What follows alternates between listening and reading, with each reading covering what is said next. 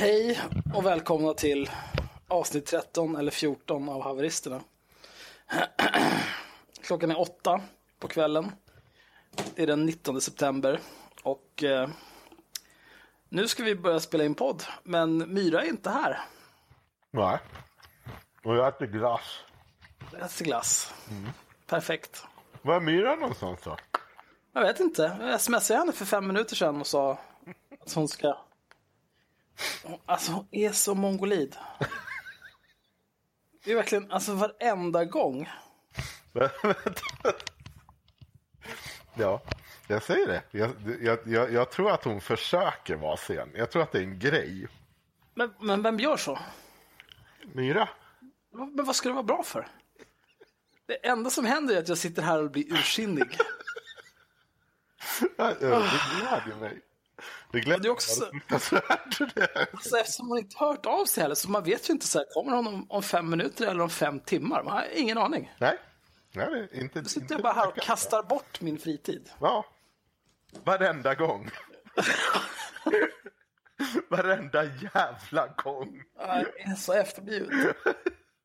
Kan du inte berätta om igår när du försökte spela in och hon hade mage att kalla mig en kuck för att, för att jag inte ville spela in?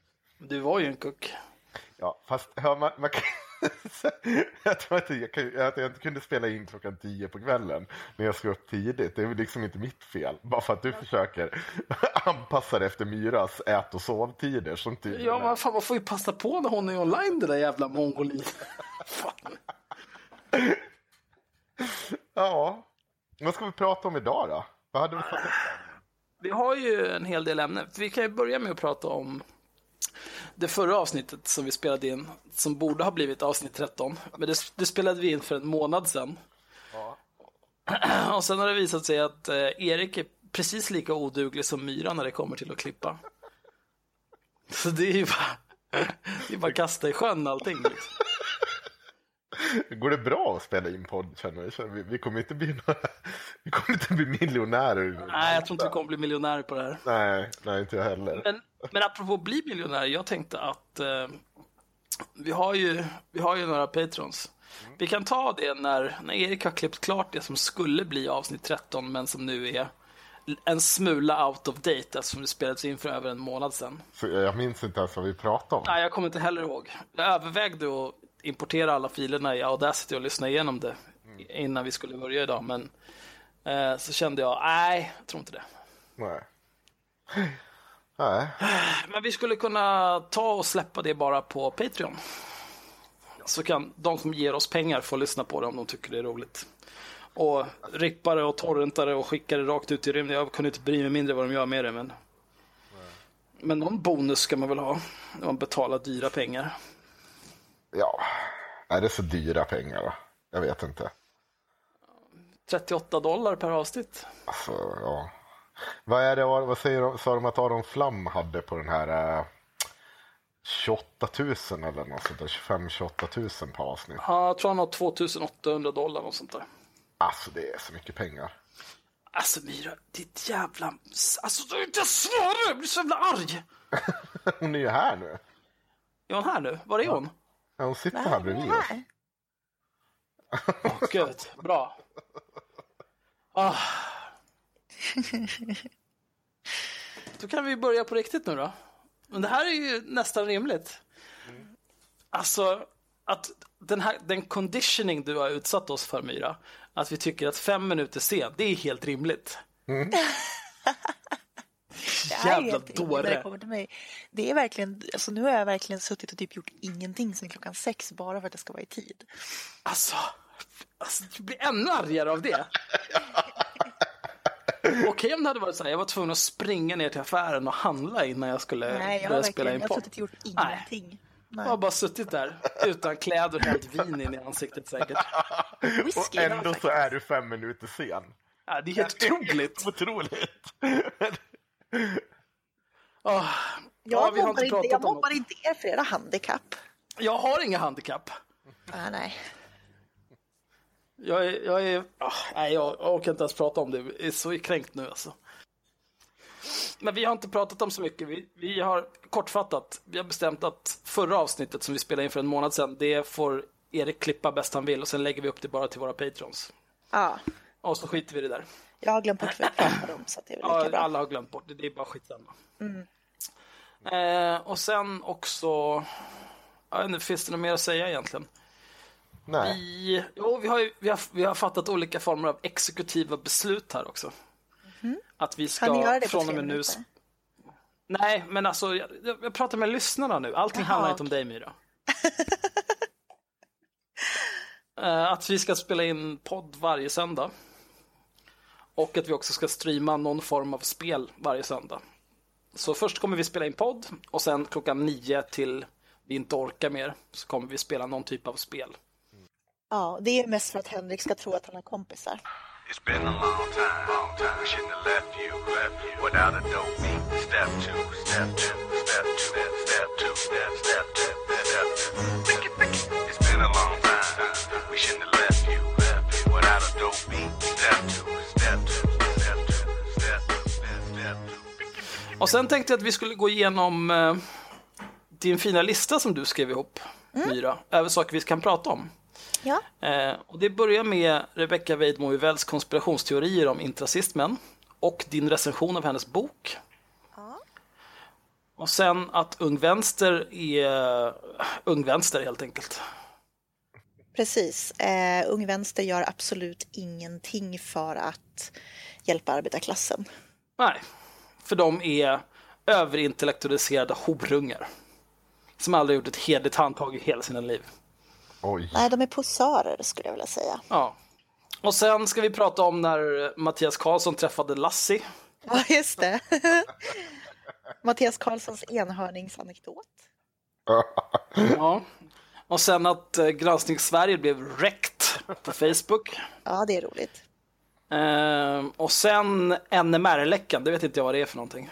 Deras Discord eh, lades ju ut. Den är rätt kul. Vi, alltså, vi kanske inte Ja, behöver just det, prata den har- om den den så mycket. Det, det roligaste med den var ju den här när någon frågade om Alve, Almedalen var ett sånt där blatte mellanslagsställe. Det tyckte jag var hemskt roligt.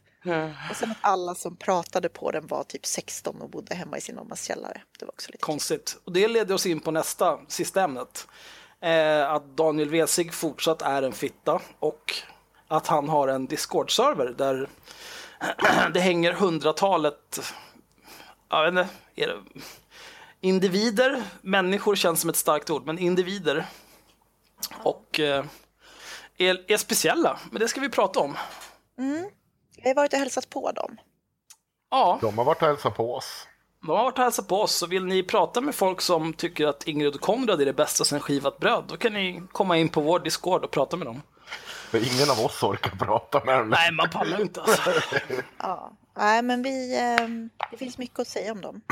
Men ska vi Ja. avverka Rebecca Weidmo Uvell då som har varit eh, fullständigt efterbliven i vanlig ordning? Hon har ju lyckats med ett Ja. till konststycke sen jag skrev den här listan som Henrik skrev om häromdagen Jaha eh, på Twitter. Men eh, det hon gjorde ursprungligen, jag vet inte, Rebecca Weidmo Uvell har ju tidigare varit ute och försökt göra någon sorts gräv på IRM som gick ut på att hon eh, unblockade oss på Twitter och sen började fråga om vi hade fått pengar från LO.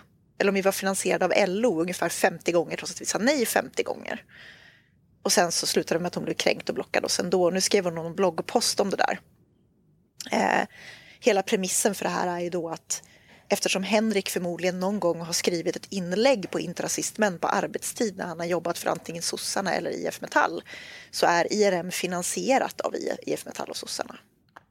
Ja, Ungefär jag, så. jag, all, ja, ja, precis. Jag kan ju bara säga att jag aldrig jobbat med IRM när jag jobbade på IF Metall. För IRM kom ju efter. Ja, men okej, for, fortsätt. Ja, nej men det, det var väl det och sen så babblade hon. Jag, har inte ens, jag kommer inte ens ihåg eh, hälften av vad hon sa. Det var mycket konspirationsteorier om Expo också tror jag. Eh, I det här eller förra gången? Den, den här gången. Hon skrev ju Ja, ett blogginlägg den här ja. gången. Ja, det, den handlar ju till huvudsak om Expos finansiering. Eh, jag har den faktiskt uppe så att man kan titta i, lite i dem. Och som vanligt är det ju, hon går ju igång på när eh, saker och ting eh, inte, om det inte om du inte har lämnat varje krona och varje kvitto öppet på en blogg så mörkar du din ekonomi. Det är liksom basically hennes eh, teori. Eh, och i det här fallet så försöker ju hon eh, dra paralleller med att Expo bedriver valkampanj genom tillsammanskapet. Är, är tanken. Och eh, där i lyckas hon också dra med oss in i skiten. Ja, för förra vändan så var hon ju, så pratade jag om att Expo hade finansierat oss och vi försökte förklara att vi har skänkt pengar till Expo. Mm. Och då fortsatte hon fråga när, hur mycket pengar vi hade fått av Expo. Och så liksom, det är som att prata med en vägg lite grann. Ja, jo precis. Eh, Och, det- ja, alltså, Nu handlar det om så Alex det. Bengtsson. Hon har ju en tes som hon driver när hon hör av sig. Eller vid det här tillfället hör av sig. Och det är ju på något sätt att vi finansieras av LO och Expo. Och då skets ju det, för hon kan ju inte tänka sig en värld där människor jobbar ideellt. Det, det funkar inte för henne. Eh, Så att det är någon som måste finansiera det här. Eh, Liksom, vad Ja, exakt men hon är en jävla borgarfitta så det är inte så jävla konstigt. Hon tänker på pengar. Ja, i alla fall. Eh, dina ord, inte mina. Eh, hur som haver så är ju liksom tesen detta. Då. Och då, när hon kommer då så slänger hon ur sig de här anklagelserna och så svarar man nej men det här stämmer ju inte. Nej, bevisa det då. Och det är ju så hon Ja, alltid precis. gör. Lägger Visa, visa bevisbördan. Hur ska vi visa Ja. pengar vi inte har fått ditt jävla CP? Nej, det, är, det blir svårt. Hon ville ju också ha årsredovisningen innan vi hade gjort vår första årsredovisning. Eh, och, och höll på och tjata. Och det här eh, tog hon ju vidare. Eller vi svarade upp och det vart lite dålig stämning då. Så hon gör ju som hon alltid gör. Blockerar. Eh, och så tog det väl nu, jag vet inte hur länge sedan den här diskussionen var. Eh, Det är ganska innan- länge sedan, det är typ ett halvår sedan i alla fall. Ja, visst är det väl något sånt där. Jag, jag kan kolla här, inte ras, rasist. Nähä. Hon inte Nej, men alltså det, det är i alla fall, det, det var i våras någon gång. Mm. Skulle jag säga. Men alltså det spelar ingen roll, grejen är att hon släppte det ju och sen så nu har det liksom kommit upp igen och så börjar hon jag vet inte, hon fick väl slut på saker att skriva om och så kom hon på att ja, men just det, det här feta grävet som jag höll på med. Mm. Ehm, och eh, kontentan av det här var ju att jag blev lite less på att faktiskt försöka diskutera med Rebecca Widmervel, för jag gjorde det förra gången när hon höll på och försökte förklara för henne att så här, vi kan inte visa kvitton på pengar vi inte har fått. Det går liksom inte. Eh, vi kan inte visa årsredovisning på en förening som bara är typ alltså under ett år gammal och så vidare. Så den här gången så var det en vänlig själ som tipsade mig om att Rebecca Weidmoivell har tydligen skrivit en bok som heter Nätsmart. Eh, och eh, omslaget på den ser lite ut som så här, jag vet inte om ni kommer ihåg, typ när ni gick på högstadiet och så la de ut sådana broschyrer om hur man ska göra när man får sin första mens. Liksom. Så ser omslaget ut ungefär. Och, eh, eh, och den är ungefär så dum som man skulle kunna tänka sig. Den, den ska ju handla om då att man ska kunna bygga ett varumärke på internet. Och här så utropar den sig själv till någon sorts, ja, någon sorts tr- trigger talking-mästare av något slag. Eh, det är liksom mycket snack om att hon har byggt upp en blogg där som har hundratusen eh, exklusiva besökare och så vidare. Eh, jag måste kolla exakt vad det står på baksidan faktiskt. Har hon, har hon källa på det eller? Ehm, det vet jag inte. Jag, jag försökte fråga lite om det, men jag fick faktiskt då är det lögn. Då är det Ja. lögn. Men det jag gjorde i alla fall för att jag blev lite less på henne var ju att jag eh, skrev en recension av hennes, hennes bok. Eh, för den är väldigt dålig. Hon har alltså olika avsnitt i den här boken som så förklarar vad är ett rant, vad är ett social media newsroom, vad är shaming, vad är kålsuparteorin, vad är ett drev, vad är virtual reality, eh, vad är smileys, varför använder man smileys? Hello my fellow kids, lite så. Väldigt mycket så. Eh, det- enda jag tyckte var riktigt roligt med den här är att hon har ett avsnitt som heter Vad är agendasättande journalistik? Och där är en liten karikatyrteckning av Peter, av Peter Wolodarski. Var- Så jävla småaktigt. Det tyckte jag var väldigt roligt. Ehm, Det är verkligen en så här subtil agendasättande journalistik från Rebecca Weidmo Wells håll, så att det blir väldigt meta. Men Men vad är hennes tips då? Är det typ så här, hitta den absolut dummaste demografin på internet och sen så pumpar du ut dumheter som de tycker är asbra. Och plötsligt har du dina hundratusen unika besökare. de tips jag hittar, för det är så här, jag har ju inte köpt den här boken, där ska jag ju säga på en gång, utan jag fick skärmdumpa på den av någon som hade fått ett recensionsex, för jag skulle ju inte betala pengar för den här skiten.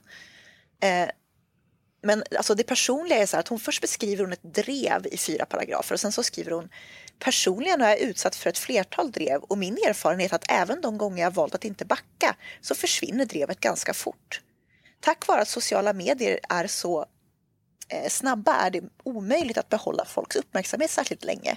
Det är viktigt att ha med sig, den, ha med sig det dagen du kanske själv råkar hamna mitt i ett. Ja, men det är klart att de försvinner. Hon blockar ju alla som liksom kritiserar henne, så att det är inte så konstigt. Eh, det tipset ger hon inte.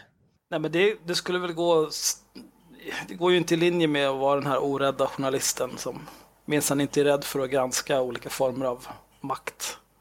Nej, för hon kom in, jag postade det här på Facebook, hon kom ju in där såklart, för jag taggade ju in henne, vilket jag brukar göra när jag, när jag bråkar med någon på internet. Ehm, och hon kom ju in där och så sa hon, ja men gud vad bra PR för min bok, jag blir jätteglad. Och så delade hon den på Twitter. Och sen så skriver hon så här medvetet, för jag hade skrivit i min tweet där jag delar den här att, att jag hade slösat tio minuter av mitt liv på att recensera hennes bok. Och då skriver hon, haha, hon påstår att hon har läst min bok på tio minuter, 250 sidor. Eh, så att alla hennes, hennes hjärndöda fanboys och fangirls kom in och liksom och anklagade mig för att vara en lögnare som hade sagt att jag hade läst boken på tio minuter. Och det var så jävla dumt. Fast var det inte väldigt stor font i den där också? Jo, men han hade ju inte läst den på tio minuter ändå. Nej, alltså, nej, min, min poäng var att jag hade skrivit recensionen på tio minuter. Det var inte Daniel Friberg-fonten då, så stor var den inte. Nej. Nej, det var den inte. Det var liksom inte ABC för nazister. Nej, inte riktigt Daniel Friberg-font. Vi kanske ska ha en bokklubb. Eh, vi skulle kunna läsa eh, Högen och slår tillbaka av Daniel Friberg och recensera den någon dag. Tvek alltså, jag vet inte om jag pallar. Kanske. Hur som haver, det var en väldigt rolig recension måste jag säga. Jag tycker att den blev väldigt bra. Jag fick, eh, jag fick eh, väldigt mycket, det var rätt kul. Hur många likes fick du? Eh, jag kan kolla, vänta. Mm. Ja, ett par hundra var det väl i alla fall. 100 000 unika ni- likes. 200 typ. Eh, var det. Eh, men det, Det var rätt kul för jag fick, jag, fick en hel del, jag fick en hel del PM från olika typer av roade journalister som kanske inte riktigt kunde uttrycka det där publikt men de tyckte att det var väldigt roligt. Så att, eh, jag, jag skulle tipsa alla om att inte köpa den här boken för att ni kan förmodligen hitta i någon dammig byrålåda i ett förråd på valfri mellanstadieskola kan ni förmodligen hitta en sån här broschyr från tidigt 2000-tal som beskriver internet och den kommer att ha ungefär samma content. Alltså det man skulle göra egentligen, det är ju, man skulle ju ordna ett ex av den här boken, scanna den och lägga upp Pirate Bay. Då skulle hon ju fan spricka av ilska den där jäveln. Men är, är inte det här, eh, var det inte så att det här, det, det är inte så att hon har blivit utgiven utan hon utger ger sig själv?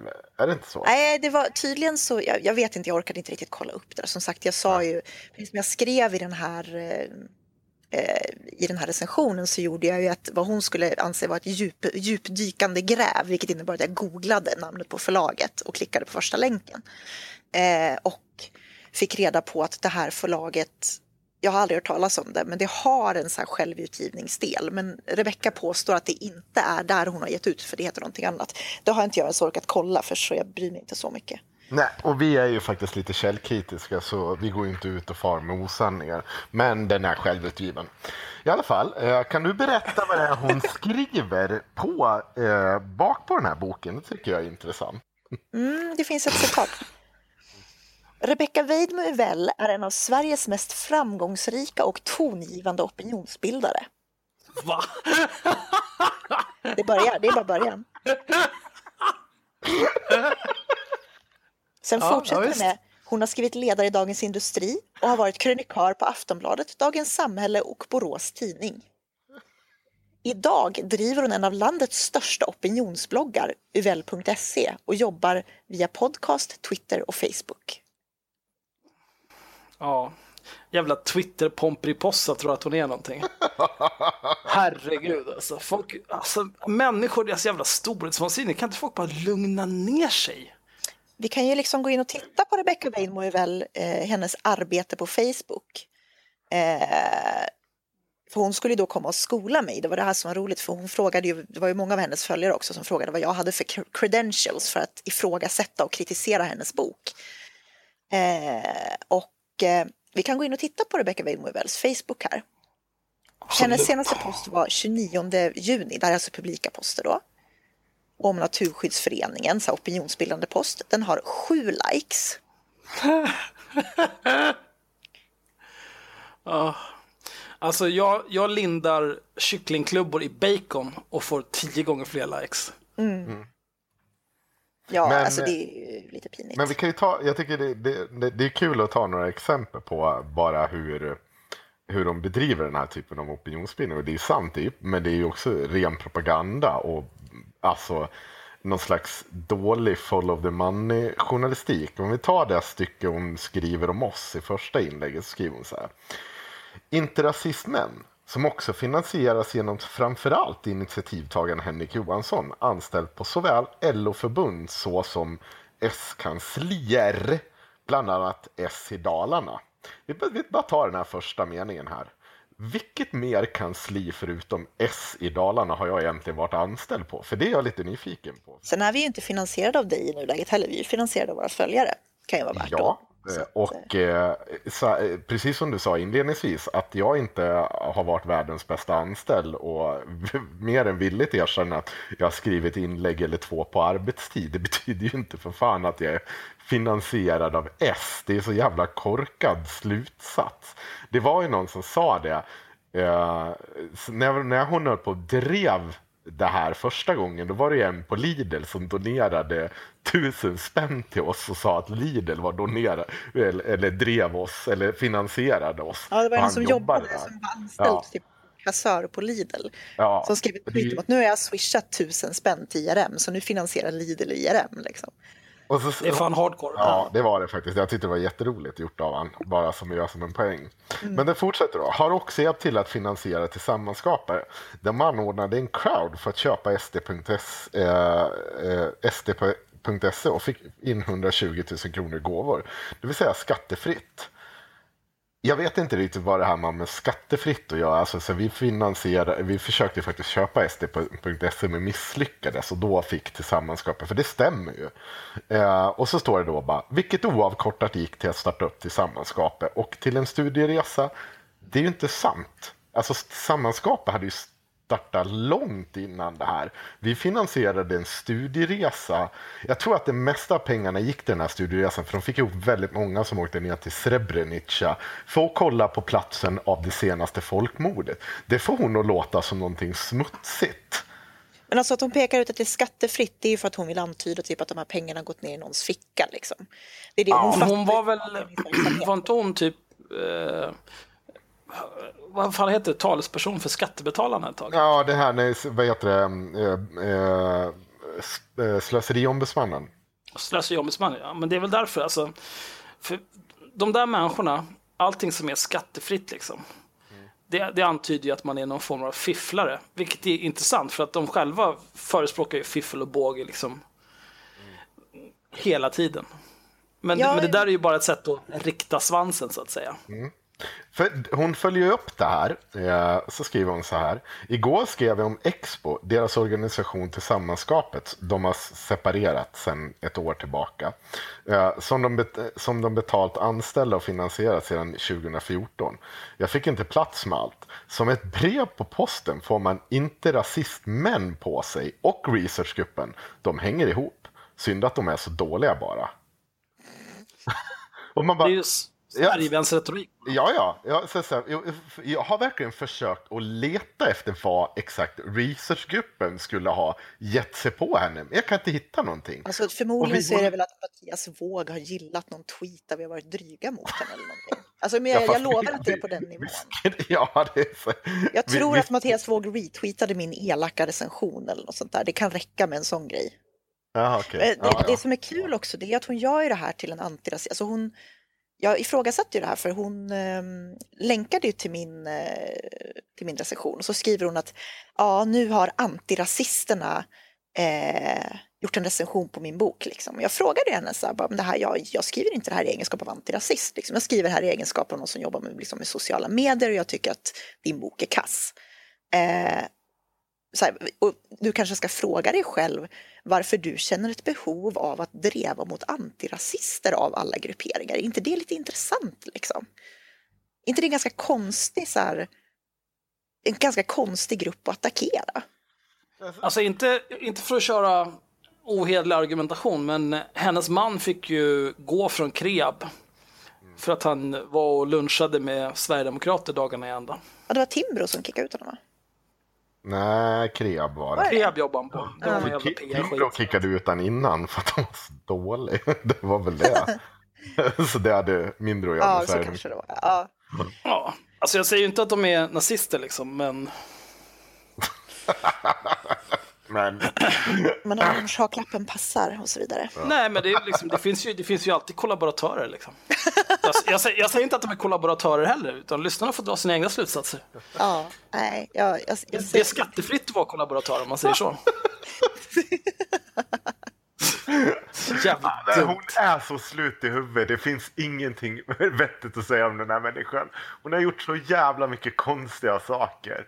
Och det var det jag antar att du tog upp att jag hade skrivit om på Twitter, Myra. Ja, det senaste var ju också något sådär någon hade varit en jävla hycklare och gått ut och typ sagt att man ska minsann inte lägga ut folks adress och sen så har hon gjort precis det själv tusen gånger. ja, men det, Jag förstår inte att sådana här människor att de inte skäms. Alltså håller på och ljuger och hycklar hela jävla dagarna. Skäms man inte? Ja, Jag tror att det handlar mycket om att just den här att man konstant sitter på den här höga hästen där man är bättre än andra. Och det gör så jävla ont när de får en smäll. Så de, de kan inte liksom backa. De, de kan bara gå framåt och göra mer. Ja, det är som de säger om det här med dreven. Liksom. Jag har minsann aldrig backat och det har gått bra ändå. Liksom. Ja. Ja, jag har inget problem med att hon till exempel granskar Expos finanser. Det, det gör ju faktiskt ingenting. Men hon gör det ju så jävla dåligt. Och det är så insinuant och det är så... Det, hon drar ju slutsatser som är uppåt väggarna. Hon nämner ju knappt att de här två organisationerna separerar. Utan, för det kan hon ju inte göra om hon driver tesen att Expo driver valkampanj genom tillsammanskapet. Då kan ju inte hon nämna att de hoppade isär för två år sedan. Eller för ett år sedan. För det, det, då passar ju inte hela den här, då faller ju hennes Nej, men det är ju inte en granskning. granskning. Hon har ju inte Nej. granskat. För hon kommer ju inte med någon fakta. Det var ju det som när hon pratar om att du har gjort si och så. Så säger hon att hennes källa, att hon har en anonym källa Ja, på. S-kansliet. Så bara, men, Ja, Alltså hela anledningen till att ska du göra en, liksom en publicistisk granskning för att du tar in, om någon kommer till dig och säger Hej, eh, jag eh, vet saker om det här och så vill de inte gå ut med sitt namn eller någonting. Då måste du kanske ha fler, flera källor än en som säger samma sak. För annars så kan ju vem som helst kontakta dig och säga så här, nej men jag vet att det är så här. Eh, för att jag menar, ofta kan det ju faktiskt vara så att om någon väljer att vara anonym, det kan ju faktiskt vara så att de vill vara anonyma för att de sitter och hittar på. Mm. Till exempel. Och det kan ju vara helt Ja, okej. att alltså, jag fick källor, faktiskt ett, kanske man ska få från flera Jag, jag fick ett PM nyss. Och det är en person som säger att eh, Rebecca Weidmo väl lider av inkontinens och har vuxenblöja på sig. då måste Så nu är det så. Ja, källan. men jag kan, jag kan gå vidare med det jag skrev om. Och det hon har gjort då, det är att hon eh, driver tesen om att man ska kunna skydda sina personuppgifter i Sverige. Att det är bara media och polis som ska ha tillgång till det här. Eh, och hon skriver så här. Eh, Eh, adress till, eh, trots att vi har det akuta läget kan fortfarande vem som helst ta reda på nästan vad som helst om andra människor.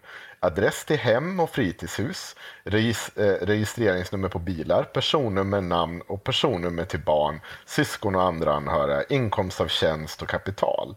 Paus, ordningsfråga. Ja. Vilket Ja. är det här läget hon pratar om? Ja, det, hon menar på att vi har något slags brottsläge i Sverige. Hon menar på att det är så fullt med brottslingar i Sverige så att vi måste stoppa det här. Alltså det är typ världens konstigaste tes som driver. Det här kan man läsa på SVT Opinion. Eh, rubriken är eh, “Bristen på respekt för privatlivet måste få ett slut”. Men vi lägger väl det längst Ja, för brottslingar tänker verkligen på, på liksom respekt för privatlivet. Det är ju deras... Ja. Ja, precis. Ett signum. Ja. Eh, allt ligger serverat eh, för vem som helst eh, eh, ett telefonsamtal eller ett mejl bort. Det är syn på folks personuppgifter som vi traditionellt haft i Sverige och som gränsar till en totalit, totalt integ, integritetslös hållning och brist på respekt för människors privatliv utsätter massa personer som jobbar inom det offentliga för helt onödiga och stora risker. Det borde vara en självklarhet att varje individ borde få bestämma om ens personuppgifter ska vara allmänt tillgängliga eller skyddade från alla utom myndigheter och media.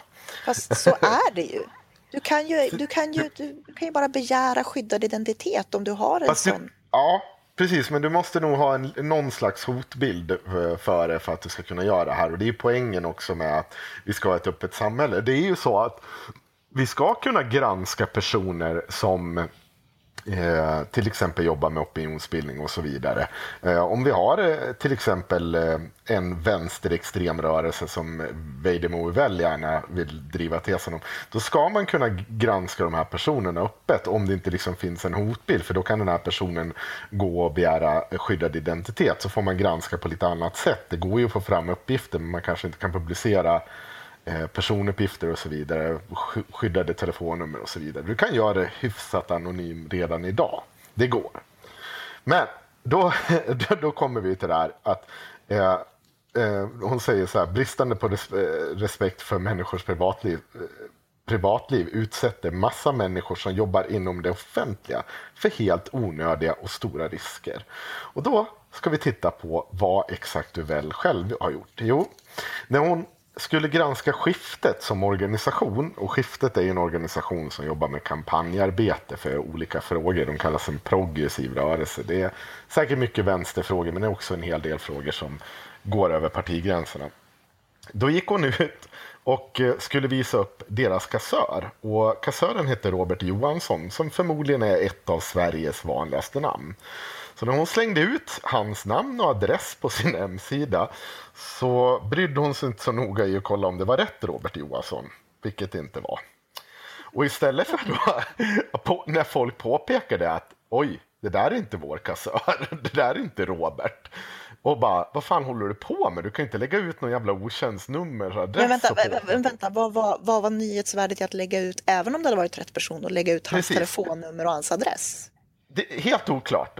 Helt jävla oklart. Det var vi bara peka på att ja, men om, man, om man vill driva tesen att han är sosse, då vill vi bara säga att han är sosse. Han har jobbat åt det här och det här stället. Vad, vad adressen har med skiten att göra. Det är så här, och så otroligt oklart. I alla fall, så eh, man påpekar det för henne, men eh, då sa hon som hon brukar göra, bevisa att det inte är han. Äh?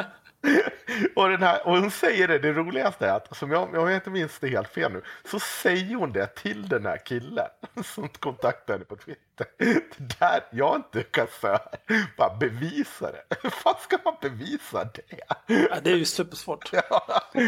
Och, och tills, folk vart ju lite irriterade. Men, eh, och hon skriver så här i sitt svar.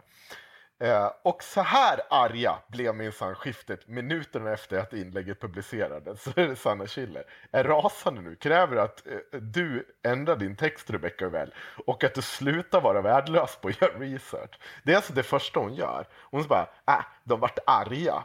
Uppdatering 2. Robert Johansson på Schibsted säger att han inte är samma Robert som är kassör i skiftet och som registrerat förening Skiftet. Jag inväntar belägg för detta nu från Skiftet så att vi kan reda ut det.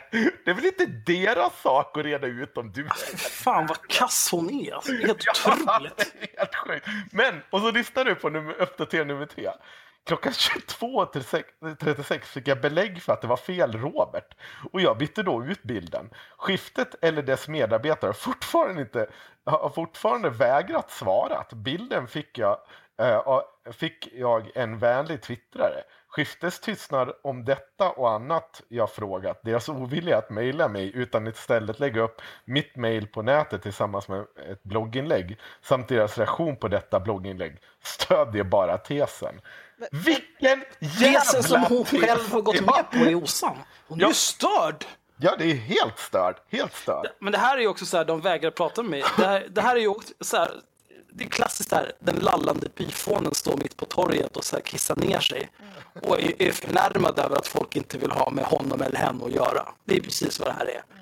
Det är ju sinnessjukt. Ja, ja, men alltså det är hacka, Axel.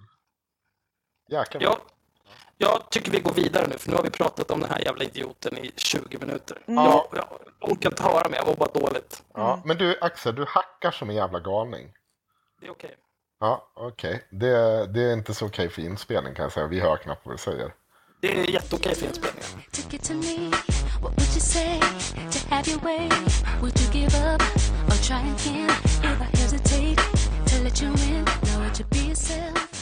Fick inte jag berätta klart? Jag hade, jo, men vänta, jag hade en punchline så här. Ja, okej, kör din Min punchline. tes är väl ganska enkelt. Hon har ju också hängt ut Jan Helin och Karin Pettersson på Aftonbladet med hemadresser. Och de har ju en väl dokumenterad hotbild emot sig. Men ja, skitsamma. Min tes är väl väldigt enkelt. Jag tror Rebecca väl försöker liksom skydda folk från sig själv. Ja. Ja, men det måste hon göra. Det är ju bara hon som sysslar med sån här jävla idioti. Hon Ja, det är och hon och hennes polare på Ja. högerkanten. Förutom AFA då, som ibland hänger ut nazister. Ja, jo, liksom- AFA också. Ja. Ah, nej, okej, det var dålig punchline. Jag kommer för av med där när Axel började säga att vi skulle gå vidare. Skit i samma, ska vi gå in på nästa ämne? Varför Ung Vänster är dumma huvud? Myra, vill du berätta? Ja, får jag prata om det? Ehm, jo, jag blev ju lite... Jag har blivit lite upprörd. Jag har ju krigat mycket mot typ porr, allehanda porrmotståndare och folk som... Eh, alltså generellt folk som typ tycker att det är okej att prata över huvudet på sådana som eh, jobbar med, med liksom sexarbete på olika sätt. Sådana som säljer sex eller sådana som spelar in porr eller vad det nu kan vara. Eh, människor är ju ganska förtjusta i att att man skapar policies och man diskuterar de här grejerna fast utan att någonsin egentligen konsultera människor som jobbar med det. Ehm, ett bra exempel är ju varje gång som man ska diskutera till exempel sexköpslagen. Vi ska inte gå in på den för att jag har egentligen jag har jättesvårt att, att liksom ta någon ställning när det kommer till eh, hur en sexköpslag ska se ut eventuellt. Jag tycker att det finns ganska många dåliga exempel, inte så många bra exempel. Men men problemet där kan ju vara liksom att RFSU har ju gjort en studie där man har visat att stigmatiseringen av sådana som säljer sex har blivit värre eh, än vad den var innan man gjorde så att det blev olagligt att köpa sex. Och den här lagen är ju tänkt att skydda dem som faktiskt säljer sex. Det är det som är tanken med att de inte gör någonting olagligt. Men de kan fortfarande bli till exempel vräkta av sin hyres, eh, hyresgästförening för att de håller, sysslar med olaglig verksamhet och så vidare. Eh, och mycket av det där bottnar i att det finns en stigmatisering och den här stigmatiseringen har RFSU i en studie konstaterat har blivit värre sedan man införde den här sexköpslagen. Eh, och det kan man väl tycka, liksom, oavsett vad man tycker om vad som ska finnas istället, så kan väl åtminstone jag tycka att det säger väl kanske att man borde se över eh, alternativen, möjligtvis då.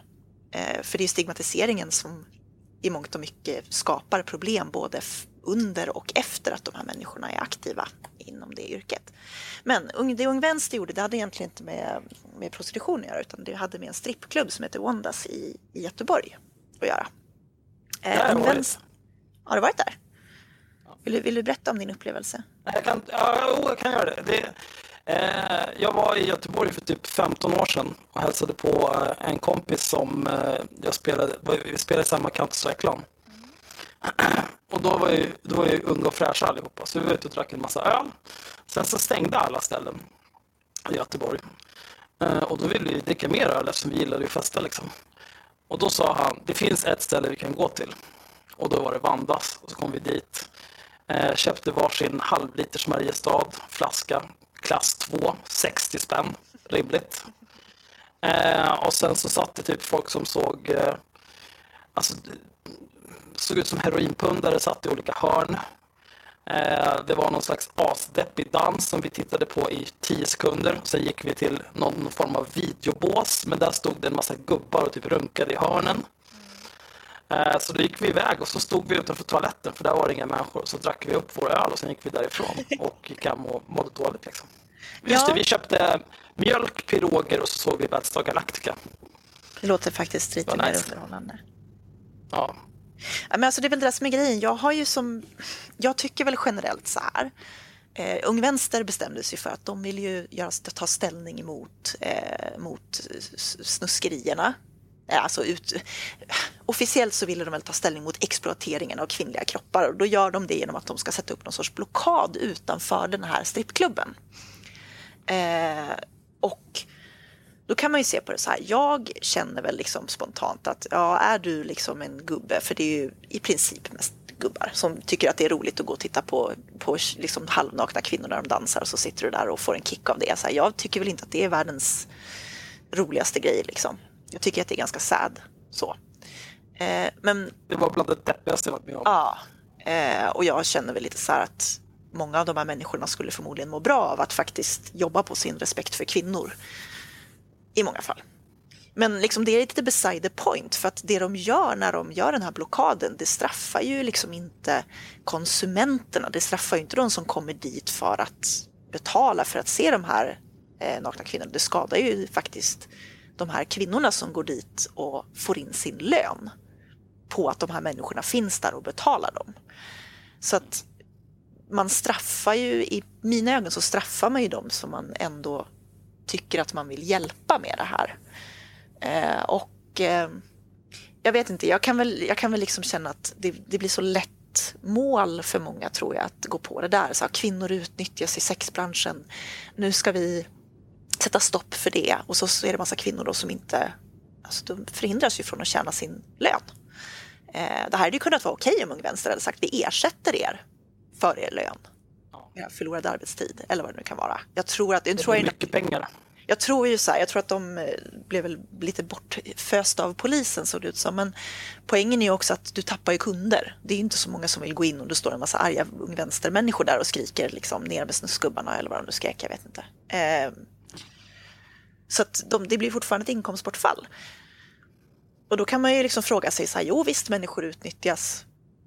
Men skulle det vara lika kul att gå och ställa sig utanför ett äldreboende där det är väldigt många kvinnor som utnyttjas eh, på osäkra anställningar och så vidare. Eller städerskor för den delen. Liksom. Så att det, liksom, det Ja, hade det är inte varit lika sexigt. Nej.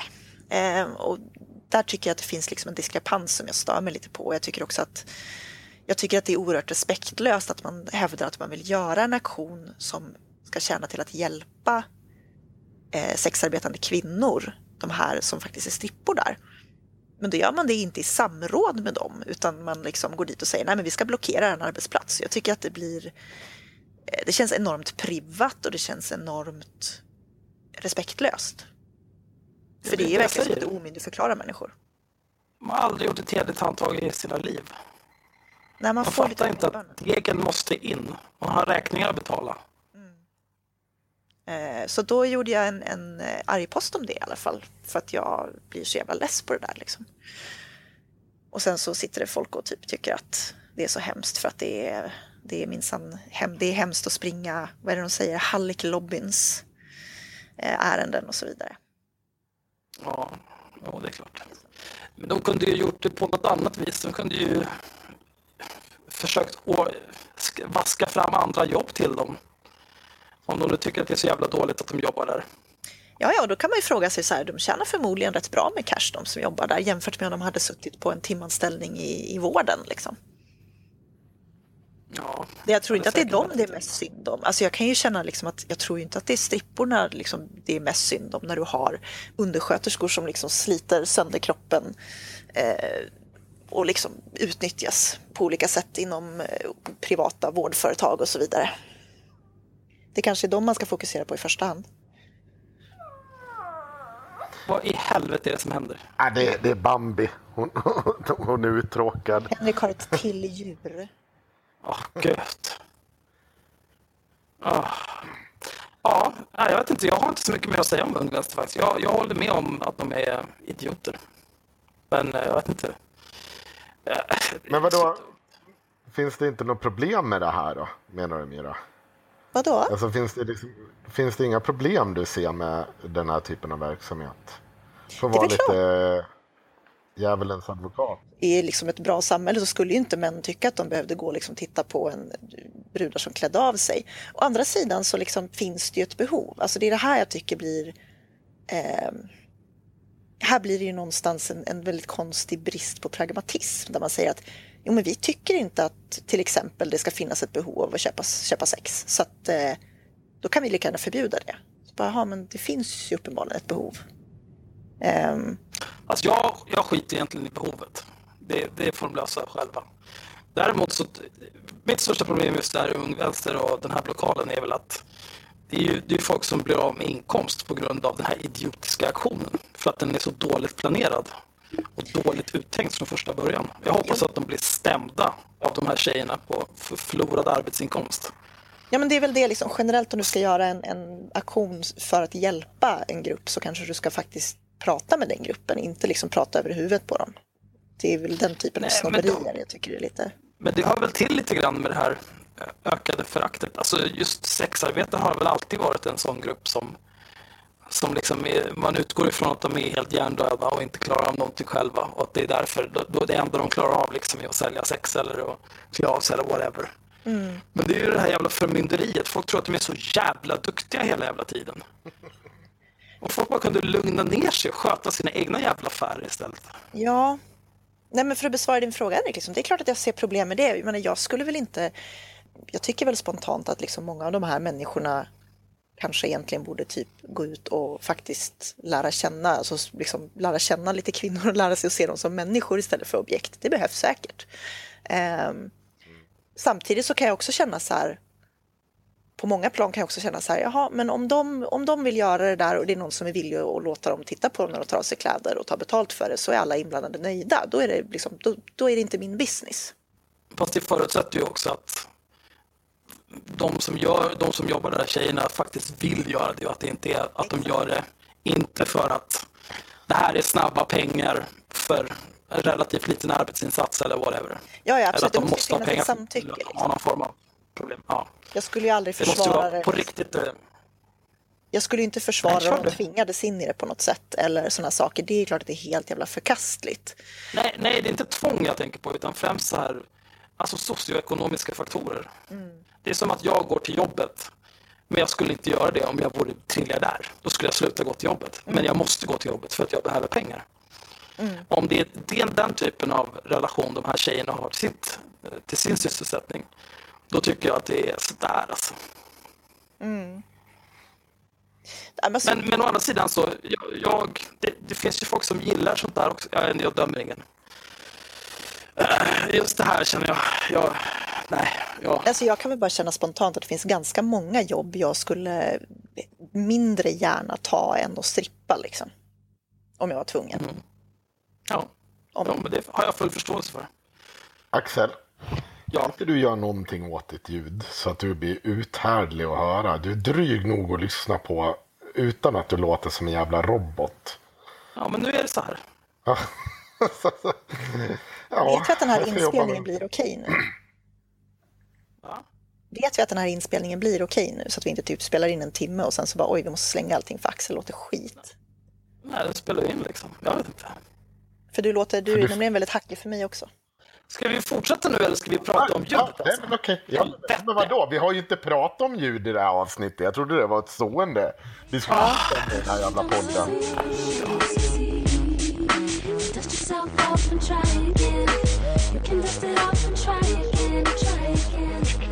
Ja, nej, men vi, vi, vi hoppar snabbt vidare till att Mattias Karlsson har eh, eh, fått en, eh, en haschpsykos på ett tåg. Mattias Karlsson har somnat och drömt våta drömmar. på tåg. Jag har också somnat på tåg och trodde att jag hade åkt för långt och försökte springa ut ur tåget fast min fot hade somnat, ramla över folk. Det var jättepinsamt, men jag går inte ut och skriver om det på internet sen.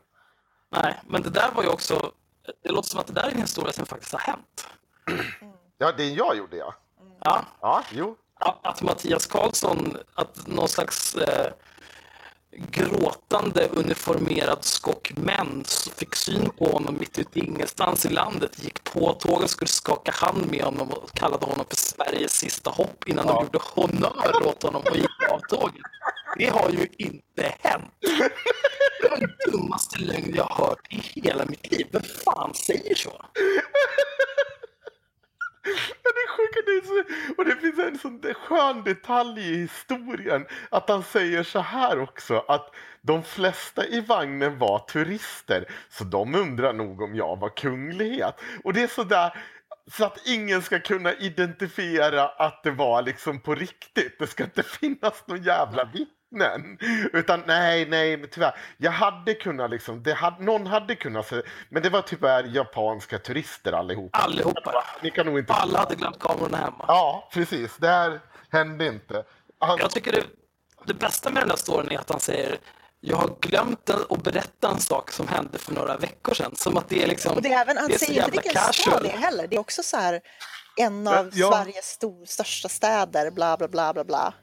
Jag lägger en länk, Ja, alltså. så kan vi lägga in den i beskrivningen. Han är så jävla störd. Ja, det är, det, är- det, är sånt, det är sånt jävla bullshit. Det är sånt fruktansvärt jävla bullshit alltså. Det, det har inte hänt och det är så konstigt just det där som alla påpekar. Liksom, det, ett tåg stannar fan liksom inte i fem minuter. Att de här människorna skulle liksom ha sett honom genom rutan, få för sig att springa till en dörr, in, tränga sig in där, ställa sig från, framför honom på rad, göra honnör och sen skaka hand och gå av tåg. Ja, men även Alltså, också, det är också så här, han, han pratar inte om, han säger bara att, han säger bara att de är uniformerade. Och det, generellt Ja. så är det så här, du, du borde ju veta vilken typ, alltså är det, är det väktare, är det polis? Det står liksom på uniformen vad det är för någonting. Han, säger, han skriver uniformerad säkerhetspersonal. Vad fan skulle det kunna vara? Ja, Securitas-vakter. det Securitas? Ja, det är så konstigt.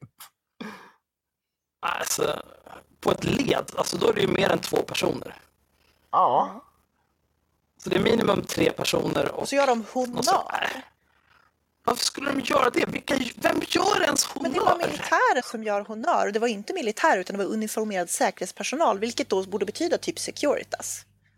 Ja, Men då borde jag skrivit Securitas-vakter liksom. eller typ väktare eller ordningsvakter eller någonting. ja, det är så jävla mycket skitsnack, det är vad det är. Det är så fruktansvärt mycket skitsnack. Jag trodde först när jag läste den att, att det var någon form av, att, att det var ett skämt liksom. Men jag tänkte- först att han är en ganska kul kille liksom, trots att han är helt störd. Ja. Men sen när jag insåg att nej, nej, han är inte kul. Han är ännu mer vansinnig än jag trodde. Nej, vad tråkigt. Nej, nej, och han är i topposition i, i ett parti som, som har 25 procent i opinionsmätningarna. Nej, nej, vad tråkigt. Nej. Vi har även en Nej. anonym källa här på min Twitter som har svarat Satt vid ett tillfälle på samma tåg som Mattias Karlsson. Vi som såg hans mobil småskrattade för han läste artiklar och tittade på tv-inslag om sig själv. Det här säger alltså en anonym källa så det går inte att ifrågasätta. Nej, det går inte att ifrågasätta. Men du kan ju bevisa att det inte är sant om du vill, Mattias. Du är välkommen att höra av dig. Du får gärna vara Nej, nej, gör inte. Jag pallar inte. Men det, det, man- det får ju också att undra hur spännande är Mattias Karlssons liv när han glömmer bort en sån sak i flera veckor. Och sen bara just Ja, det. det är helt vansinnigt. Det är som liksom att jag skulle... Jag, jag glömde att när jag klev upp ur sängen i morse så blev jag teleporterad till jobbet istället för att behöva åka dit. Men det, det, är, helt, det är helt befängt. Ingen kan ju tro att det här är sant. Sverigevännerna tror ju på det förstås. För Ja, det är de är inte... Alltså, han fick så många delningar på det där inlägget. Det är så, det, ja, ja, ja, jag vet inte. Om jag hade startat ett parti och det där vore min väljarbas som tror på sånt där skit. Då skulle du Jag skjuta dig i inte, huvudet. Alltså. Ja, ja, jag vill inte ha den där sekten med mig. Alltså så här. Jag vill bara inte. Nej, men jag tycker Nej, det där är sjukt men det är för obehagligt. Alltså, jag har ju också, jag har ju haft, det har ju hänt några gånger liksom att det kommer in någon när jag bråkar med någon och så kommer in någon sån här hjärndöd supporter liksom och ska stötta en och så bara är de så jävla Ja. dumma och jag skäms ju, jag skäms ju ögonen ur mig. Och så typ unfriendar jag dem liksom, lite i smyg så någon vecka efteråt. Men det, det är ju just det där att tänk om man, alltså att man uttrycker åsikter och de som attraheras av de här åsikterna, de är liksom, de har intellektuell nivå som en jävla gråsten. Då måste man ju börja fundera över vad fan är det jag, vad är, vad är det för jävla skit jag peddlar till folk? Men, man, Det måste ju vara hjärndött. men jag tror så här, blir man yrkespolitiker så är man liksom, då är man mer in it för sin egen eh, karriärs skull. In it to win In it it. to win it. Ja. ja, de drar in bra med deg de där jävlarna. Ja, dessvärre. Ja, han gör ju det. Han drar väl in nästan 100 000 i månaden han. Plus de här där, eh, han är ju näst mest betald i Sverigedemokraterna. Så, eh, Plus alla pengar han förskingrade och fick, vad var det, Kinnunen och bli målvakt för. mm, Ja, men de gick till Almqvist. precis. Ja, just det, de var tvungna att köpa ut honom. Ja. Ja. Det vart ju lite jobbig stämning där när man insåg att det här, var, det här blev nog inget bra här. Nej, vad tråkigt. Det vart det tråkig stämning här igen. Jag kan berätta om, eh, har, man inte, liksom, har man inte koll på hela den här, det här förskingringen som Martin Kinnunen åkte dit för som hände efter järnrörsskandalen när, eh, när då Erik Almqvist blev utmutad ur partiet för 3,8 miljoner eller vad det var. Så har, eh, det finns faktiskt en IRM, folk tror ju att det här är någon sorts IRM-podd det är det verkligen inte, men det finns ju en IRM-podd eh, där de har gjort ett dubbelavsnitt som handlar om just den här, hur det här gick till när de liksom, eller hur det kan ha gått till. Eh, i vissa fall då, när de liksom flyttade pengar genom olika företag så här, från partiet till att det blev någon sorts muta då till eh, Almqvists konsultbolag. Och det är superintressant. Eh, jag kan verkligen tipsa om att lyssna på det för det blir, jag hade inte fattat någonting av det där förrän jag lyssnade på det där dubbelavsnittet. Och då inser man också hur jävla fult det är. Det handlar liksom om att de sitter och ska ha ett styrelsemöte och bestämma om de ska ge bort fyra miljoner och det styrelsemötet tar totalt sju minuter från att liksom... Då inser man ju så här, nej, det här var nog inte riktigt eh, efter protokollets alla regler. Men det är jätteintressant, ta och lyssna på det, för all del. Ja, för all del. Gör reklam för en annan podd, gör det. Ja, men jag tycker faktiskt att det är jävligt intressant. Jag är jättedålig på att lyssna på alla andra poddar, eh, till och med IRMs podd. Eh, förlåt. Men eh, just det Jag avsnittet har tycker jag... inte lyssnat på jag har inte lyssnat på Idams podd faktiskt. Eller förlåt, jag menar vår podd. På tal om galningar eh, och nazister. Eh, vi har ju träffat, varit över till Ingrid och Konrads podd, ni vet. De som eh, alltid vill ta debatten med oss, men aldrig tar debatten med oss. Eller fan, de tänker sig det där. Ja, vi har ju varit tagit debatten flera dagar på deras Discord. Ja, Det har ju gått sådär, skulle jag vilja säga. Vi kan ju ta det eh, någon slags timeline. Eh, idag är det som sagt den 19 september. Det här började väl förra lördagen den 6, nej inte 16, vad fan håller jag på med? 9 måste det ha varit. ja, Eh, när vi upptäckte att den här Ingrid och Konrad har en Discord-server. Där Konrad sitter tillsammans med sina psykofanter. Och eh, det är ganska dumt. Jag vet inte, vad var anledningen till... Det var in, inte jag som hittade den, vill jag Henrik. minnas. Henrik eh, Ja, det var Henrik. Ja, Jaha, nu vart det... Berätta om hur du hittade den och varför du kände Men det att var det ju var bra du idé. som delade den till mig. Var det? Ja, okej, det var jag som... Och det var ju Ja, ja. jag som gick in på fyllan på natten där. Nej, Berätta om den upplevelsen. nej, så här var det. Först ringde jag in till Ingrid och Konrad. För jag hade... för jag hade tråkigt och så fick jag höra deras version av hur Granskning Sveriges eh, Facebook-sida. Det var därför jag tänkte att vi kunde hoppa över på det ämnet. För de flyter ihop här. Granskning Sveriges Facebook-sida, vi kan återkomma till det, men den har ju blivit nedstängd. Eh, och eh, Fabian Fjelling var då med i Ingrid och Konrad och berättade hur synd det var om dem. Och det märkliga är då att då är ju Grans, han driver ju såklart tesen att gränsen Sverige har blivit censurerade. Uh, och eh, Ingrid och Konrad sitter som med två jävla nickedockor på eh, alldeles för mycket rödtjut och bara håller med om allting. Och jag bara, var så jävla, jag tyckte det var så jävla dumt. För redan tidigare den dagen har ju Fabian Fjällen gått ut och erkänt att Granskning Sverige har hotat människor via den Facebook-sidan som är ett av många tydliga brott som Granskning Sverige begått mot Facebooks liksom, regelverk. Ja, ja, eller vad de, har säger man? alltså, de, precis, de har ju hängt ut adress och telefonnummer till folk som är liksom meningsmotståndare och, ja, och hotat dem och så vidare. gjort register av Facebookgrupper och fan och hans moster. Liksom. Och, Ja, de hade någon fejd mot eh, Jag är här-gruppen. Ja, och så uttryckligen skriver med eget konto att de, det är, att de hotar de här människorna. De- Det liksom finns skärmdump. Och det blir så jävla dumt när de här människorna sitter och grinar om det här. Så eftersom jag kanske hade druckit en whisky eller två så jag ringde ju in till Ingrid och Konrad så fort de öppnade den jävla linjen och sa att vi skulle diskutera det här. Jag tänkte, och de har ju tjatat om att jag ska vara med i deras jävla podd. Och märkligt nog så vart Konrad helt jävla tyst. Han sa knappt det. Han, han gjorde något sånt litet inspel. Ett lågmält inspel varje gång och satt och fnissade lite eller gjorde en sån här spydig kommentar. Men mer än det, det fick jag fan inte ur han. Mister, nu ska vi ta debatten.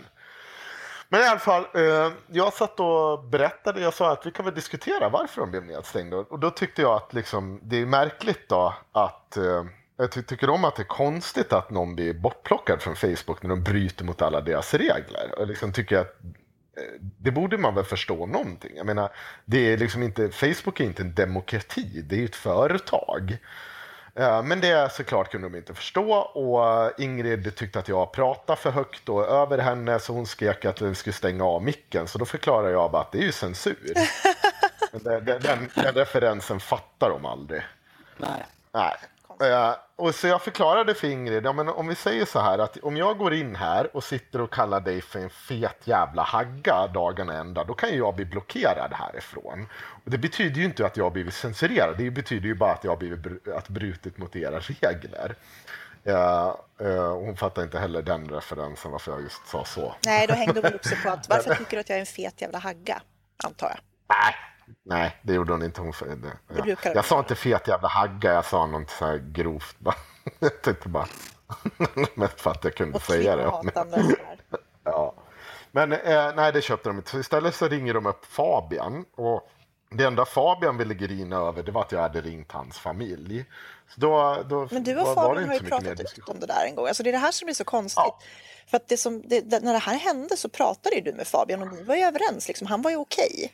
Men sen så började ju Konrad blåsa upp det där att du skulle ha ringt hans familj och då blev det plötsligt en stor Och grej hota, igen. Liksom. och hota hans barn. Ja. Hans, det, det var ju också på- Också. På Twitter var ju om det där också. Jag, hållit på, jag är ju postblockad igen på Facebook. Eh, eh, men då har jag roat mig med att hetsa Granskning Sverige-kontot. Och de höll, också, de höll på och tjatade om eh, att du hade ringt till hans familj. Så länge och så mycket att till slut så skrev Fabian till den som hade kontot. Han skrev typ så här. Jag vet inte vem det är som hanterar Granskning Sverige-kontot nu, men jag skulle uppskatta om ni slutade prata om min familj. Det, gjorde mig så jävla glad alltså. Jo, men det, de håller ju ingen linje. De har ju ingen som helst linje och de, de, de ja, skit samma. Men det, Konrad sa ju också det, eller Ingrid sa att jag hade hotat Fabians eh, dotter där också. Och då, då utmanade när Fabian kom in, sa det så här. Fabian, har jag hotat din dotter? Ja, det har jag aldrig sagt, säger han. Nej, men han har inte det. Som sagt, ni, när ni pratade så, så förklarade ju du för honom vad som hade hänt. Och, då, då- och det köpte han ju. Alltså det var, han fattade ju att det var sant. Liksom. Det han var arg på det var ju att du hade upprört hans fru. Det var ju det han var arg på. Ja, och det kan man ju... Jo, jo, men alltså, han, han tyckte att du hade, du hade ju ringt och frågat efter Fabian och nämnt Granskning Sverige. Och det skulle då ha stressat henne för att hon visste att han inte drev Granskning Sverige under namnet Fabian. Men du hade ju Nej. inte gjort, det, som det, var ju, det var ju din extent av att hota. Liksom. Ja. Eh, ja, jag kommer, jag, jag, jag kommer ju inte ihåg exakt vad jag sa eh, när jag ringde. Men jag frå- frågade efter Fabian. Det gjorde jag ju. Så var det ju. Det var ju ingen snack om saken. Men ja, det är så jävla dumt i alla fall. Men eh, då i alla fall, jag var med där i tror jag en halvtimme någonting. Och de har ju såklart postat en, ehm, en, ett inlägg om hur jag blir ägd. Som de alltid gör. Eh, och, eh, eh, men så får jag den här jävla Discord-länken där på kvällen. Och det är ju inte så att jag inte hunnit dricka någon whisky till då. så jag bestämmer mig för att jag ska gå in och ta debatten med alla de här jävla nassarna. Och så, eh, det gör jag. Eh, jag sitter där med tio nassar och diskuterar den natten. Och eh, eh, jag kommer inte ihåg så det vart ju ganska sent alltså. Men det var kul i alla fall. Eh, och så på lördagen så hetsade jag med er andra. Mm. Det är väl den, hur det började. Jag satt ju uppe, jag satt, ju, jag satt nog uppe längst. Jag, alltså, när gick vi in där? Vi gick in vid typ 9-10 någon gång. Jag tror att jag satt där till klockan typ halv sex på morgonen. Då började det komma in på så här 9-11 was an inside job och eh, typ tror du verkligen att Kennedy blev mördad? Av, ja, du vet så här. Och då kände jag så här, nu är det för dumt, nu går jag och lägger mig. Eh, Ja, men eh, det, det som jag tycker är det konstigaste med de där människorna, de som är, det, är, det är cirka, jag, jag skulle säga, at any given time så är det kanske 70-80 personer online liksom under peaktiden. Och det är att de har liksom inga problem med att antingen vara förintelseförnekare eller att vara nazister eller att helt ogenerat sprida rasism omkring sig hela, hela tiden. De har ingen, an- ingen som helst problem med att göra sånt eller att vara bland folk som håller på sådär. Men om man typ skriver att någon är en efterbliven idiot, då är det fem pers som ska tycka, nej men nu är det lite tråkig ton, nej nu får du... Men det Det var är så jävla stört. det. Henrik säger vid något tillfälle i diskussionen bara, jag tycker att om man är nationalsocialist, då är man idiot. Och det där drar de sen upp i flera timmar framöver bara, ja men du behöver inte Ja, kalla alla det var- idioter. Det var, de var osedvanligt lättkränkta. Det får man ju ge dem alltså. Ja, Ja, det är verkligen alltså alltså. glasmänniskor. Jag, var, jag, jag, var- jag har varit förvånad. Jag liksom så här, men herregud, är det här liksom den vita rasens... Ja, men så sitter de ju samtidigt hopp. som de håller på med det här, så sitter de typ och postar så här, kill all kikes liksom. Det är okej, det är ett kul Ja. Men att kalla folk idioter, nej, Ja. nej. Nu, nu går det. Och samtidigt idag så efter den här jävla demonstrationen, nassesvinen i, vad var de, i Göteborg? mm. Ja. Där, där Emil Hagberg heter han så, har kallat något, barn, något 14-årigt barn för en liten bög. Ja. Då, det, är så här, det tycker de inte är, är dålig ton. Konrad skrev till exempel att det var, det var bra sagt att han behövde få sig en läxa. Liksom. Och så tycker de det är asbra. Ja, men, Det, är- det är så jävla sinnessjukt. Och jag har ett, en grej som är... Jag, har- jag har ju varit där hela veckan eftersom jag inte får skälla ut folk på Facebook. Så skäller jag ut dem där istället. Eh, Men vi pratade lite om demonstrationen i Kärrtorp som var där 30 clowner från Nordiska motståndsrörelsen kom och började kasta flaskor och sten på lattefamiljerna som var där och demonstrerade mot rasism. Eh, Konrad skrev idag på Discord. Det är rätt angående då de här jävla nazistsvinen. Det är rätt allmänt känt att de blev påhoppade i Kärrtorp. Och sen postar han en länk. Det är bara, bara gissa, gissa vilken sajt han, han använder för att belägga det här att nazistjävlarna. Nordfront. Nazisterna var snälla. Källa nazisterna. Alltså, det är så efterblivet. Det bästa är att fem minuter innan det så har, de, så har de hånat mig för att jag postade ett gäng länkar från SVT, Aftonbladet, Expressen så här, om att eh, eh, högerextremister står för större delen av våldet i, i Sverige. Då bara, ja, du sväljer väl allt som massmedia säger. Efterblivna små mongon. Åh, nu blev jag upprörd igen. ja.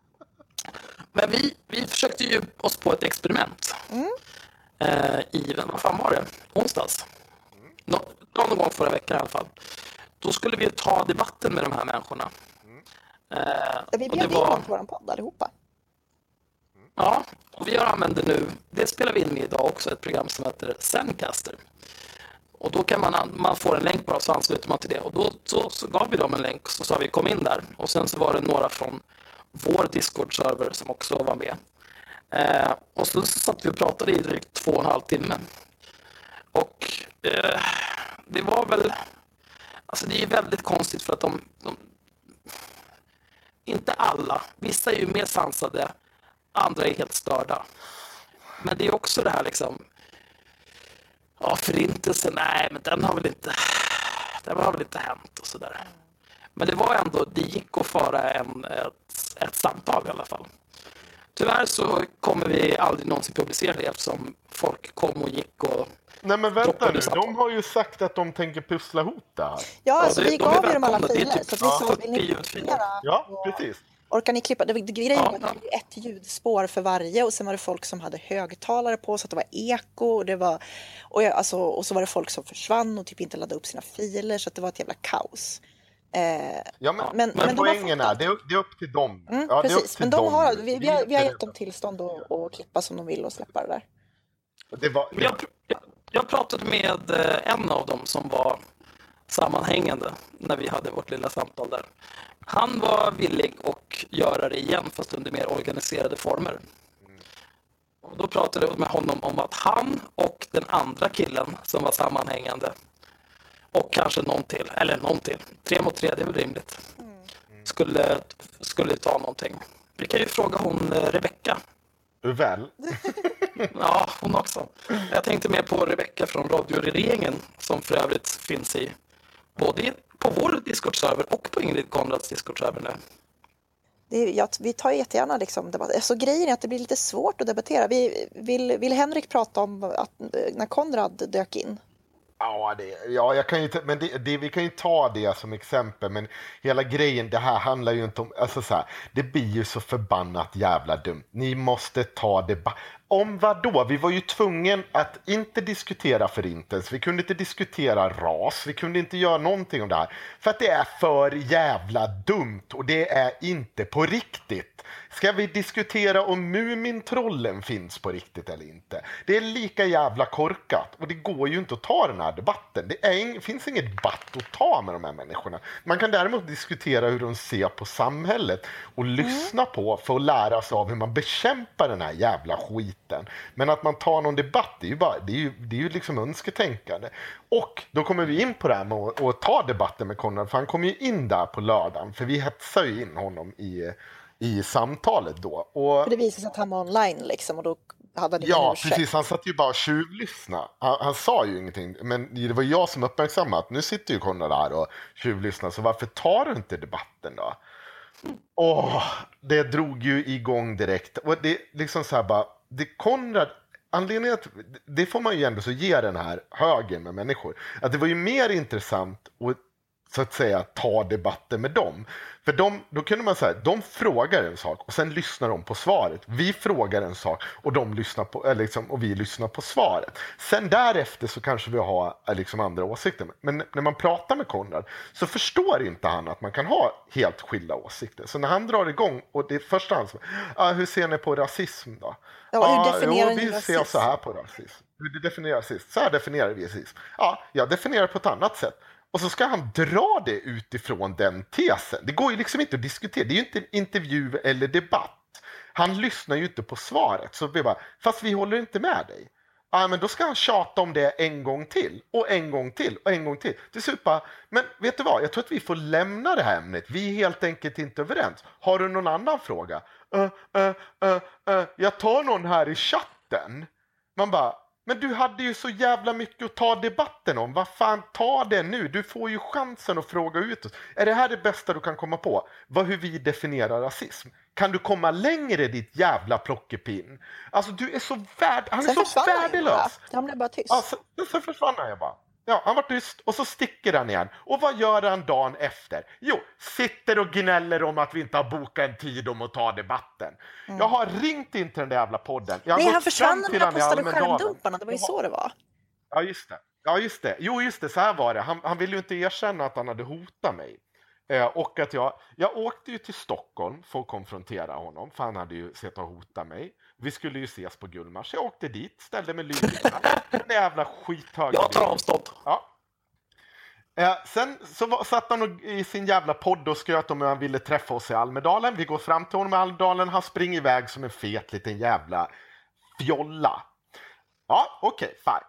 Jag ringer in till det där jävla Ingrid och Konrad. Han säger knappt ett jävla ord.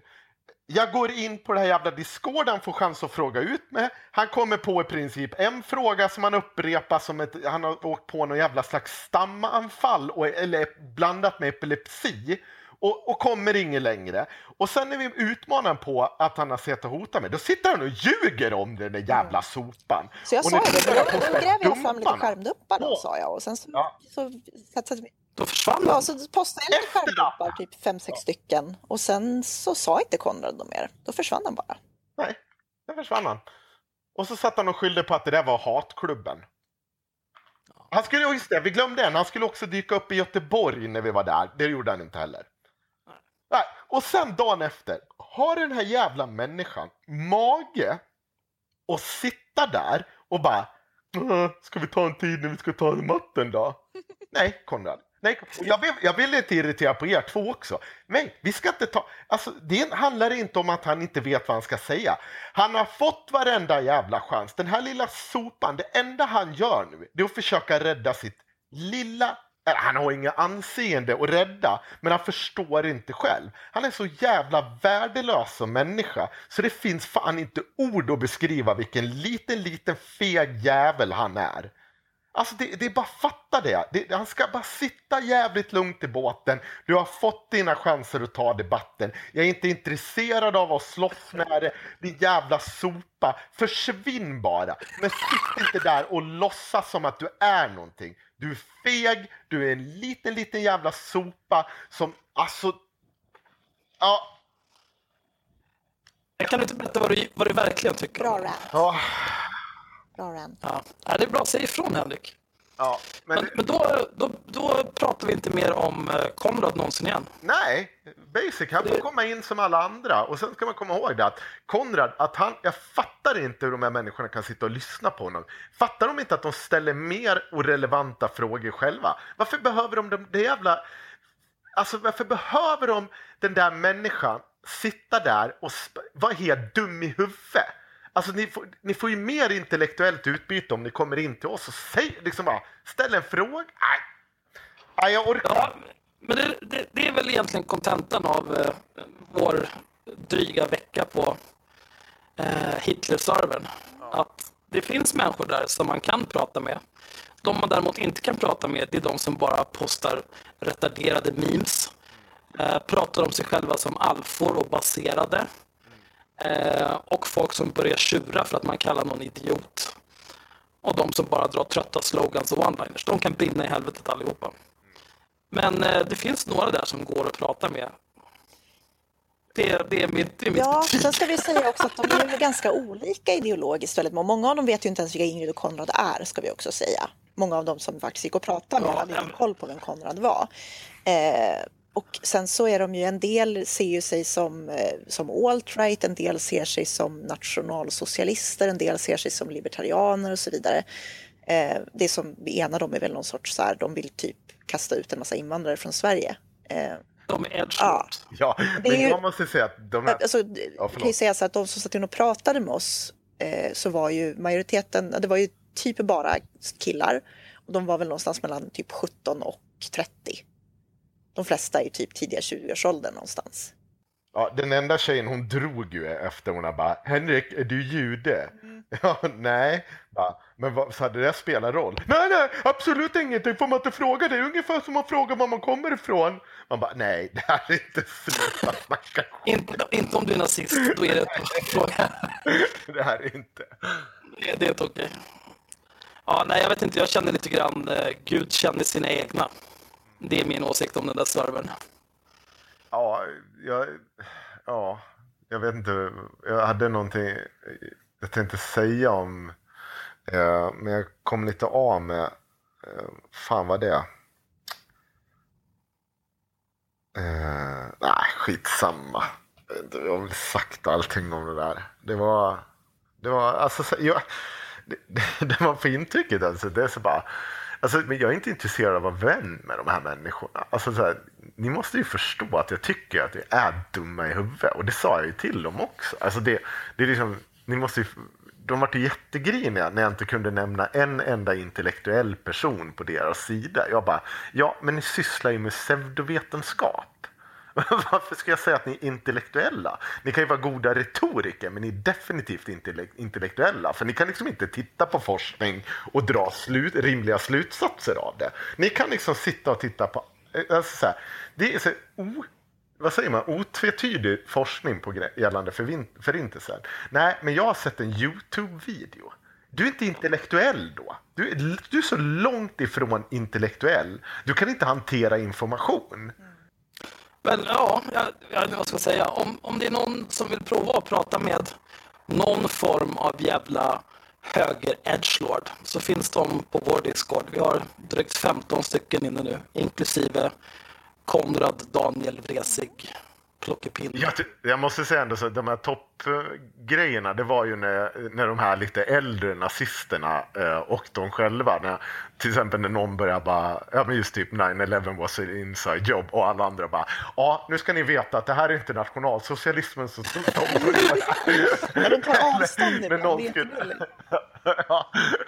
och någon börjar prata om förintelsen och någon så här äldre nazist bara, ja, men ska du sitta här och förklara varför förintelsen är brust, då måste du ha koll på den officiella historien, annars ska du vara tyst. Så jävla hemskt. ja. ja det, är, det är fantastiskt.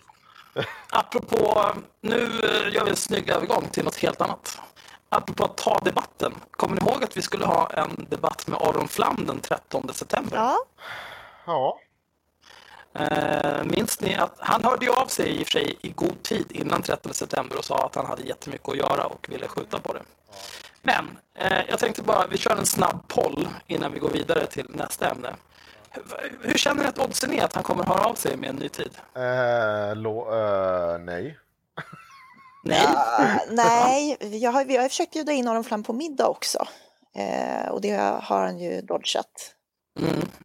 Men vi kan ju ställa honom mot väggen när vi väl, förr eller senare, alltså det finns ju omständigheter kring det där matätandet som gör att han inte kan backa.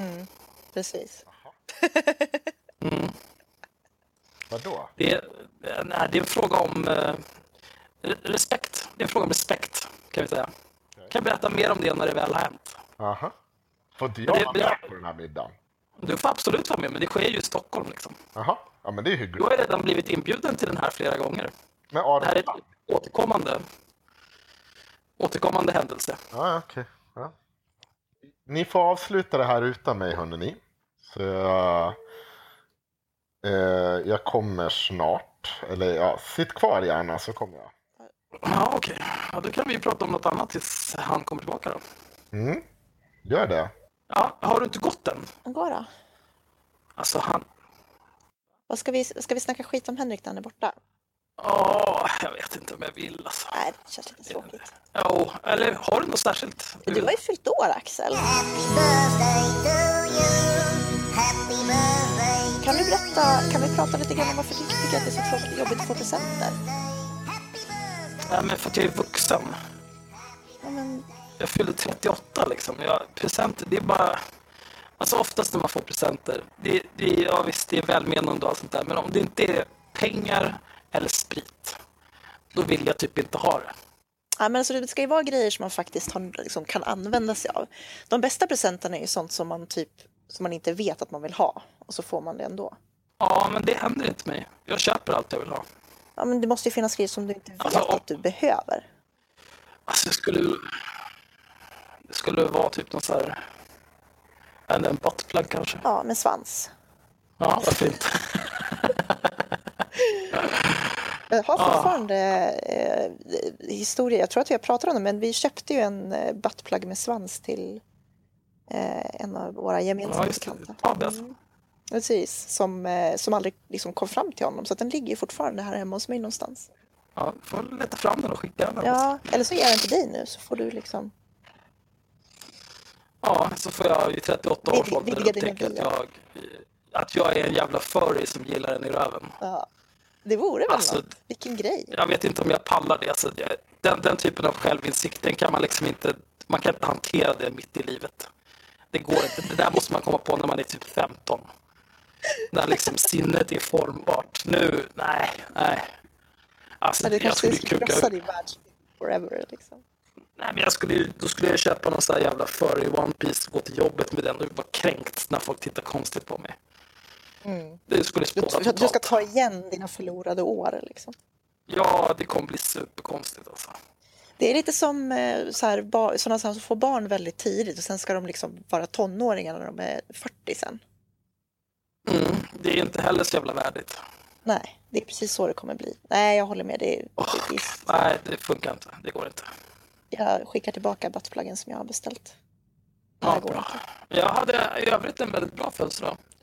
Eh, Jag var hemma, svarade inte i telefon och spelade dataspel och skällde på nazister. Det är bästa sättet. Ja, Jag firade jul så något år. Det var jätteskönt kan jag säga. Så det himla... är typ det bästa som finns. Jag köpte jätte, jättemycket godis. Och typ mikropizzor. Och sen satt jag inlåst. För jag, hade jobb, jag jobbade typ hela julhelgen. Så jag orkade inte åka och fira jul. Utan jag var så här, nej men jag jobbade. Jag jobbade typ eh, några, fram till någon dag innan jul. Och sen så jobbade jag igen på, alltså efter annan dagen. Så jag bara, jag tänker fan inte åka någonstans. Och sen så satt jag inne och bara så här, bara umgicks med mig själv och spelade datorspel och åt lösgodis. Det var helt Det låter fantastiskt. fantastiskt. Det är livet alltså. Ja, ja, men alltså det är så skönt. När man, för att du har ju också den här liksom, när du vet, normalt när du gör det så känner du alltid det här lilla, det här stygnet, liksom stygnet av att bara, ah, fan jag kanske borde ha gjort någonting annat med min tid. Men alltså du kan ju unna Nej, dig, när det är din födelsedag, då kan du ju unna dig. Alltså man Det är kan alltid unna sig när man är vuxen. Det är som jag, jag hade fyra veckors semester i augusti. Jag gjorde ingenting.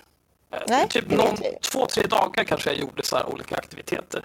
Men resten av tiden var jag bara hemma och spelade dataspel och läste böcker och kollade på serier. Det var ju typ det bästa som har hänt mig. Jag skulle kunna leva så resten av mitt liv. Lätt. Lätt. Men alltså folk brukar sällan tro på mig när jag säger det. Ja, men du får väl bli typ, du får väl bli så egenföretagare och jobba liksom jättelite fy och ta ut feta cash för det. I det här jävla kommunistlandet. Betalar jag inte nog med skatt som det. Har vi, är vi kommit... Jaha. Vi, vi svamlar bara. Men Ja. jag tycker vi kan avsluta nu, för nu är vi nästan uppe i en och en halv timme. Det ska nog gå att klippa ner till något bra. Jag tror inte vi behöver klippa bort så mycket. Vi har varit ganska sammanhängande idag. Ja, jag tycker vi har gjort ett bra jobb. Eh, men det här är ju också, eh, det är som det du grinade så mycket över förut Henrik. Nu hade vi ju en lista att gå efter. Så då ser vi till att ordna en sån tills på söndag när vi ska spela in igen. Ja, Och så försöker vi, eh, då till slut så kanske vi får tillräcklig rutin på det här.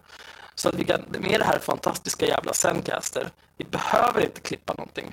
Utan vi låter Zencaster köra postprocessing, merge audiotracksen och så bara rakt upp på Soundcloud direkt. Direkt. Förstår ni hur enkelt livet skulle Man vara? vill ju klippa in lite roligare ljud. och så ljud. Ja, men just det! Du Ja, har inte det- ens använt den här. Ja, du har inte ens använt den här. Det här är ju det fantastiska med Zencaster. Det här är det jag ser fram emot mest. Eh, Ja, det finns. Man kan lägga till ljudeffekter. Var någonstans? ja, men spela lite Nej, ljudeffekter. jag, det är bara jag som kan göra det nu, för att jag är den som har skapat det. Men det finns fyra stycken eh, förinställda, sen kan man lägga till egna. Kan jag få höra de här? Här är något de tycker man ska använda som intro och outro.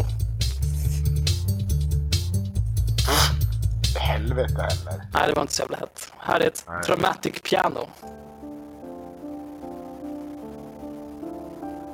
Förintelsen hände aldrig.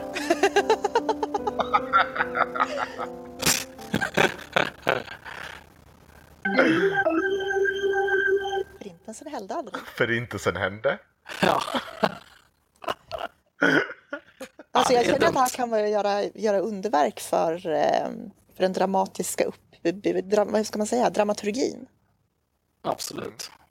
Men nu hänger ju allting på också att eh, trots eh, att eh, den påstår att den spelar in lokalt att det faktiskt låter ordentligt också. Ja. Så inte raseriet kommer.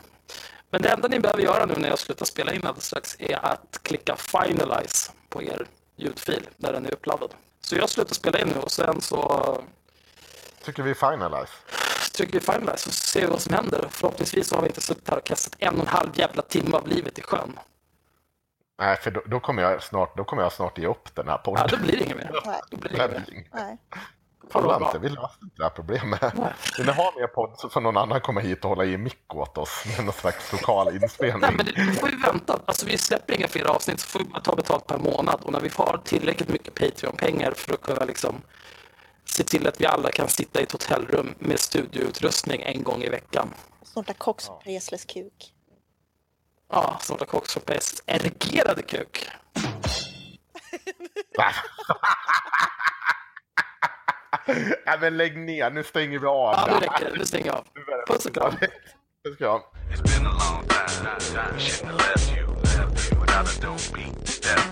It's